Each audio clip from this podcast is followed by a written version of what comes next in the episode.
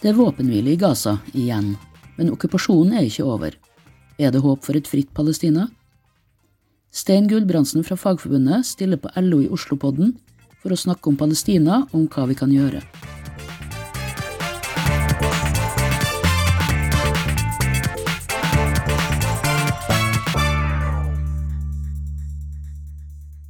Da ønsker vi velkommen til eh, LO i Oslo-podden. Med oss i studio har vi nok en gang Marit Halse. God dag, god dag. Velkommen. God dag, og takk skal du ha, Hans. Hva skal programmet handle om i dag? Vi skal snakke om Palestina. Og så har vi en gjest. Vi har en gjest med oss på telefon, har vi Stein Gulbrandsen. Han sitter i ledelsen i Fagforbundet, Norges største forbund, og har jobba for Palestina i flere år. Velkommen, Stein. Det er som du sier, altså jeg sitter i arbeidsutvalget i Fagforbundet og er den som da har holdt i samarbeidsavtalen vi har med Norsk Folkehjelp, eh, som i hovedsak går på Palestina-spørsmålet. Etter elleve netter med angrep, luftangrep, så ble det våpenhvile på Gazastripa natt til fredag 21. mai nå. Det er jo en enorm lettelse for palestinerne, særlig for befolkninga i Gaza. Vi har jo bl.a. hørt om familier på Gazastripa som har bytta barn for å unngå at hele familier skulle bli eh, utsletta om huset deres ble truffet av israelske raketter. Det har dødd tolv israelere og 243 palestinere i løpet av de her elleve dagene. 66 av de palestinske ofrene var unger, og flere palestinske familier har blitt nærmest utrydda. Drøyt 20 så mange palestinere som israelere har blitt drept i denne siste runden av konflikten. Vi snakker ikke akkurat om likeverdige parter her, Stein?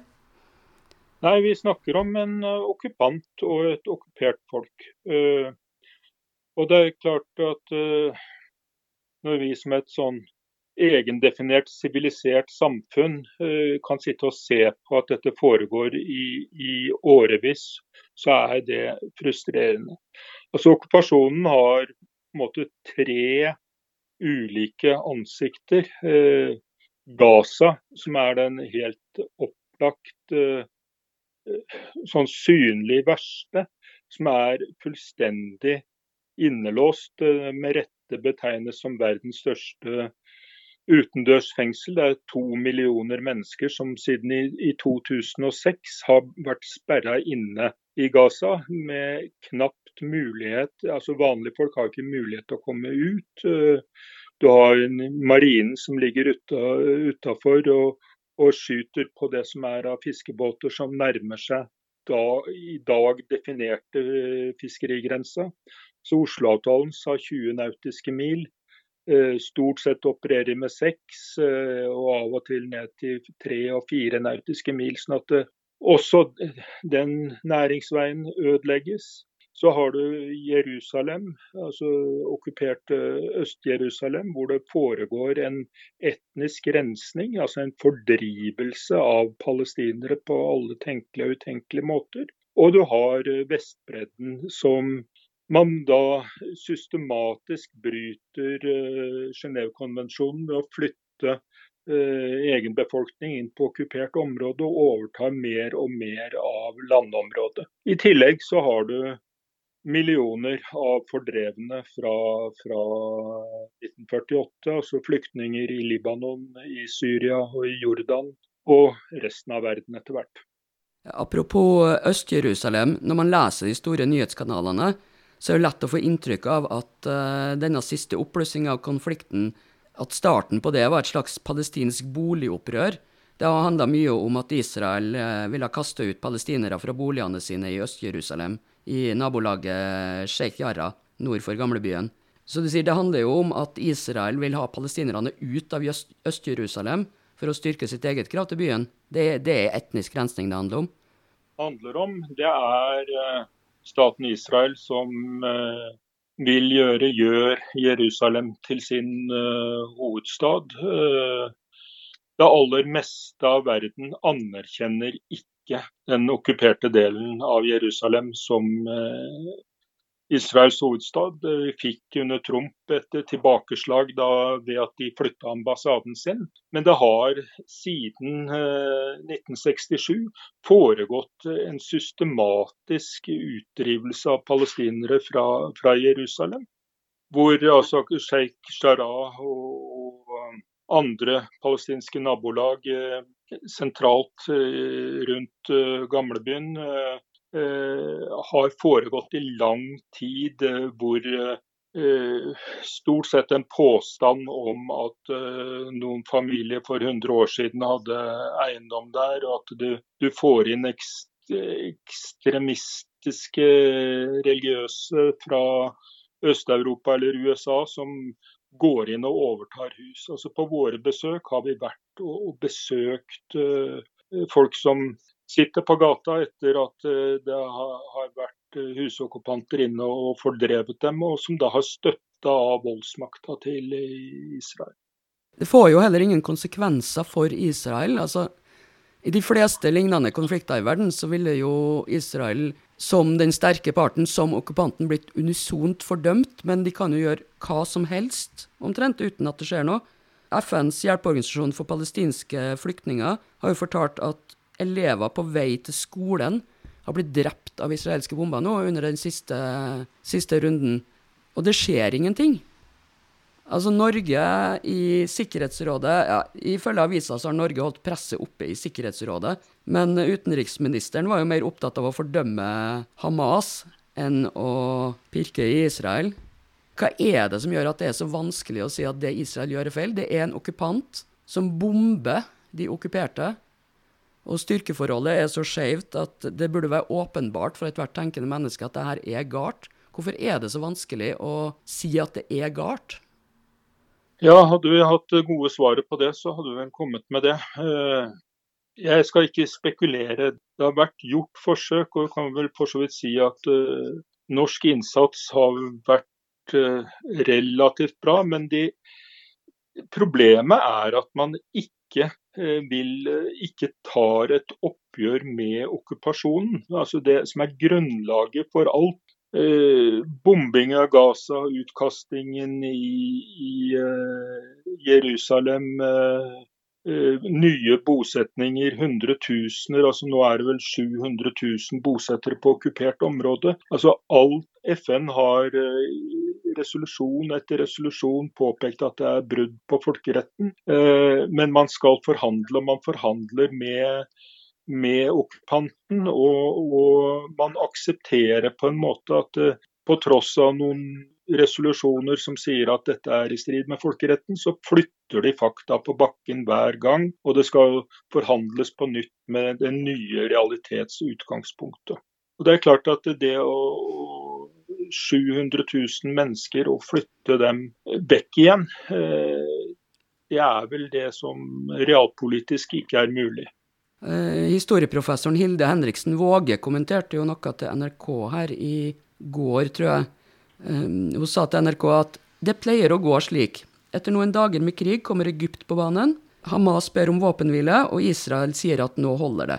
Og så påpekte hun også til NRK at dette ikke er noe løsning, fordi konflikten kommer til å blusse opp igjen, som hun sa, og det går litt på det du nettopp var inne på. Slik blir det til noen biter i det sure eplet som heter fredsforhandlinger.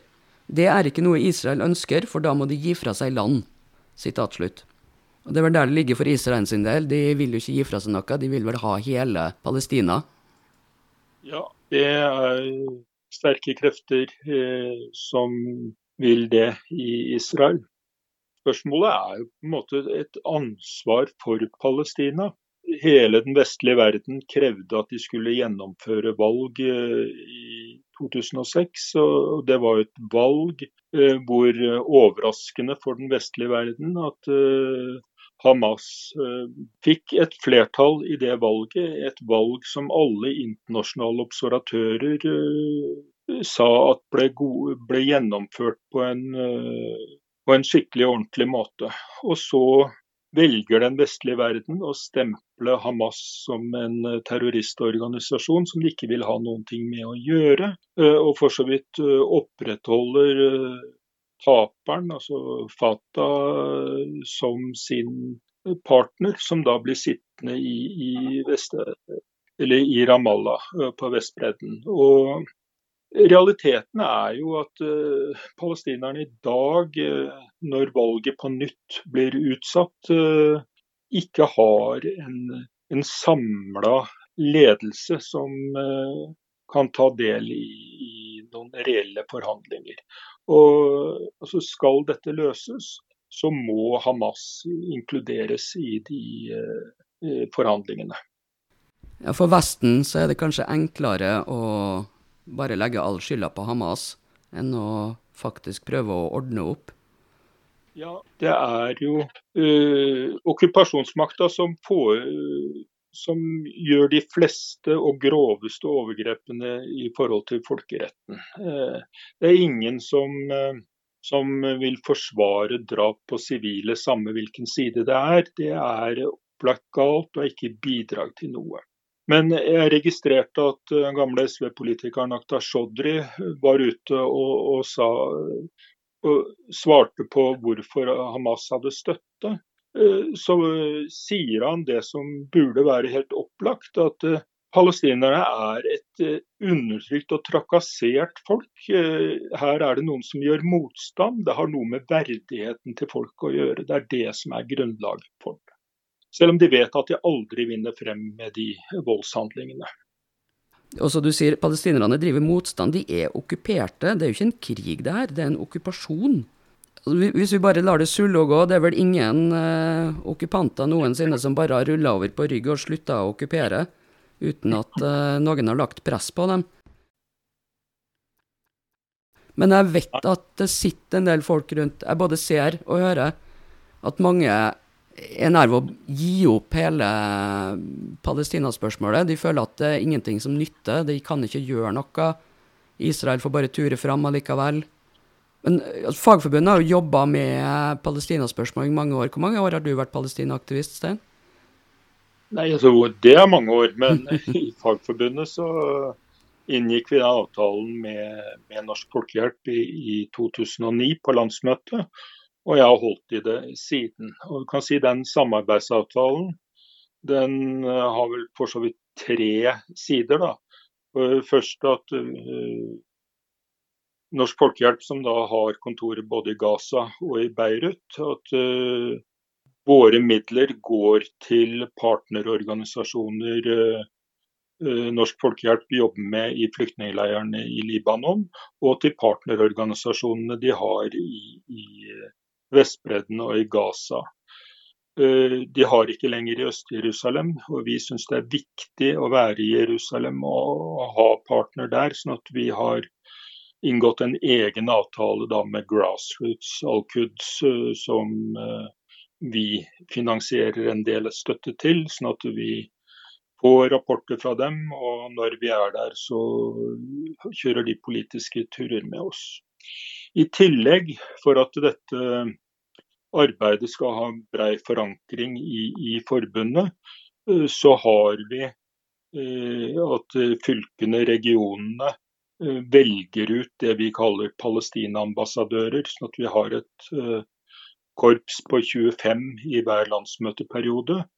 Som alle får én delegasjonsreise, enten til Palestina eller til, til Libanon, for å å møte partnerorganisasjonene og, og sjøl være og oppleve eh, virkeligheten under okkupasjonen. Og har da selvfølgelig en oppgave å være aktiv i egne fagforeninger, egne regioner. Og rapportere fra delegasjonsreisene og, og drive arbeid eh, videre.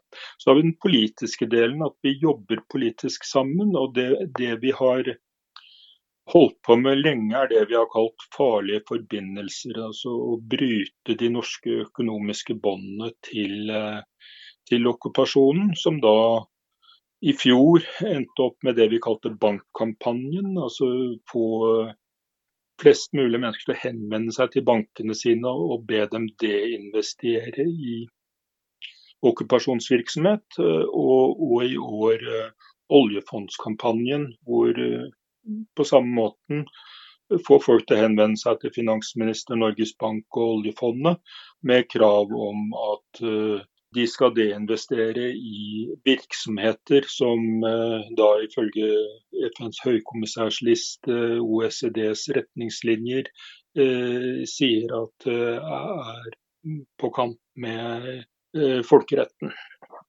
Ja, dere, har jo, dere, har jo, gått gjennom oljefondet og funnet ut at de har investert i 64 selskaper med virksomhet knytta til den folke, folkerettsstridige okkupasjonen uh, av Palestina. Ja, det er folk hos oss og Norsk Folkehjelp som har gått gjennom investeringene i oljefondet og sammenlignet dem først og fremst med den lista som FNs høykommissær offentliggjorde en gang i fjor og da har de funnet 64 selskap. Det kom jo en uh, nyhet for et par dager siden om at oljefondet har trukket seg ut av hele to selskaper med aktiviteter knytta til israelske bosetninger på Vestbredden. Det er jo en start? Ja, og det er en bra begynnelse. Altså, vi har uh, i ja, snart en tiårs tid uh, jevnlig hatt folk som har hatt møter med Eh, forsikringsselskap, banker, for å, å, diskutere investeringene deres i forhold til folkeretten. Eh, vi har prøvd politiske utspill i forhold til oljefondet. Vi har eh, altså En del banker, forsikringsselskap, har foretatt uttrekk en del av disse selskapene. Selv om oljefondet sier at de, de følger retningslinjer, Stortinget pålegger dem etiske retningslinjer osv. Så, videre, så det, er de altfor store innen okkupasjonsøkonomien. sånn at det at de nå deinvesterte i to selskaper knytta til okkupasjonen i Palestina, er eh, på en måte et, et lite gjennombrudd. og det, Vi får regne med at det er en bra begynnelse. Og så må altså Nå er det nær 10 000 som har sendt den e-posten i forhold til, eh, til eh, oljefondet.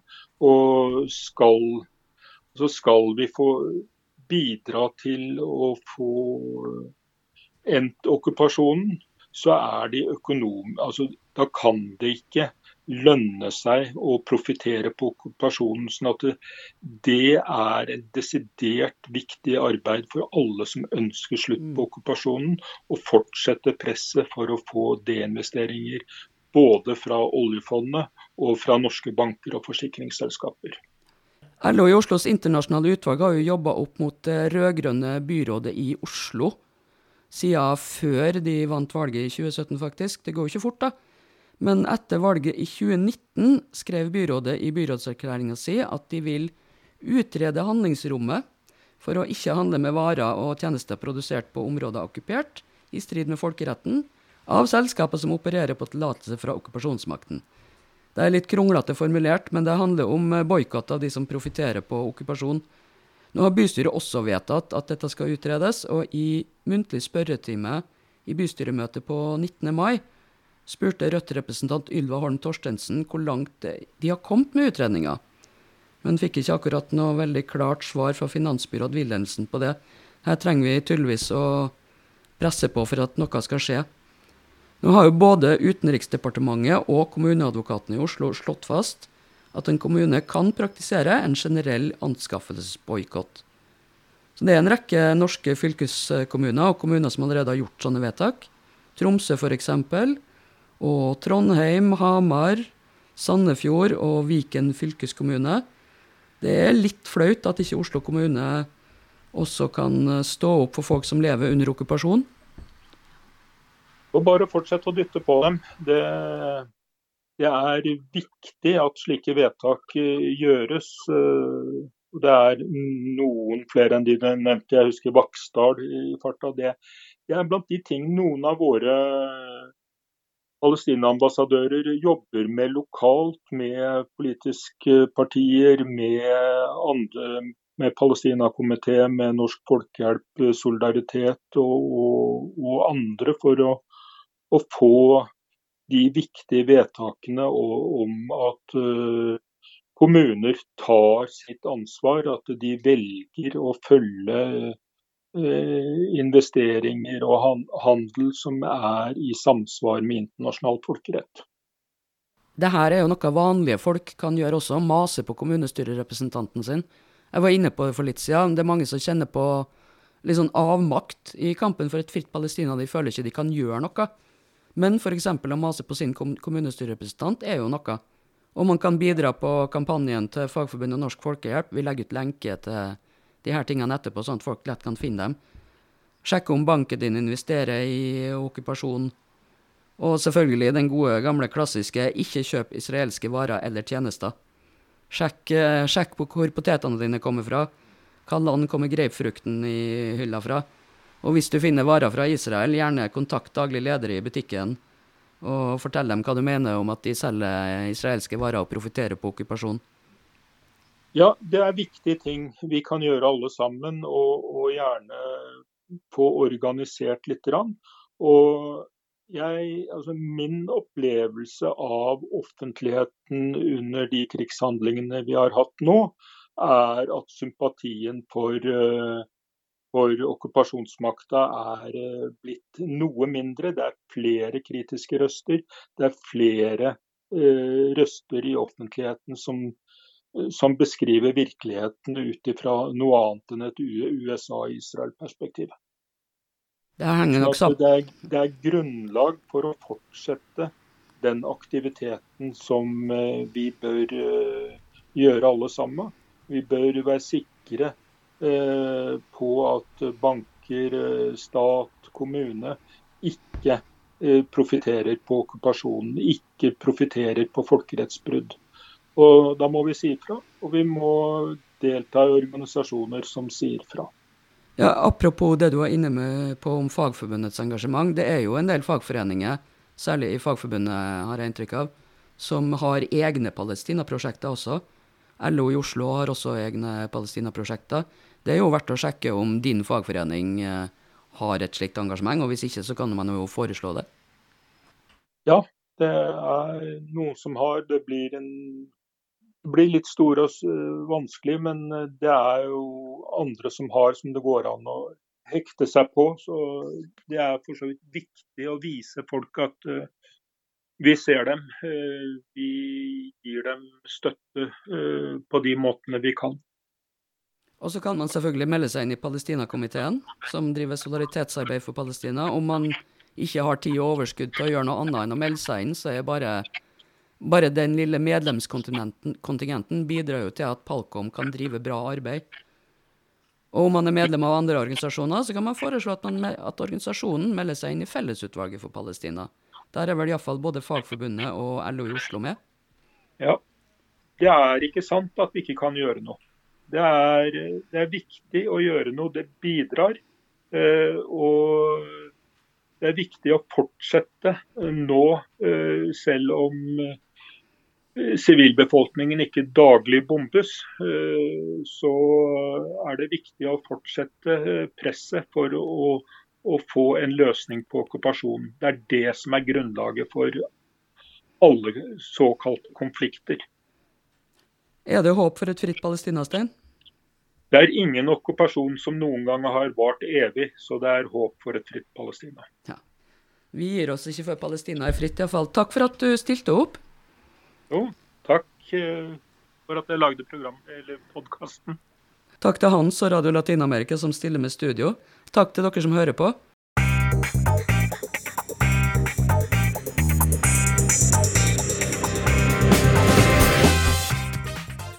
Denne pod-episoden ble laga i samarbeid med Radio Latin-Amerika, som du kan høre på DAB, på radiolatinamerica.no eller på FM 105,8. På nettsidene deres finner du også nyheter på spansk og norsk. Neste uke blir det politisk lunsj om skatt og Forskjells-Norge. Vi høres!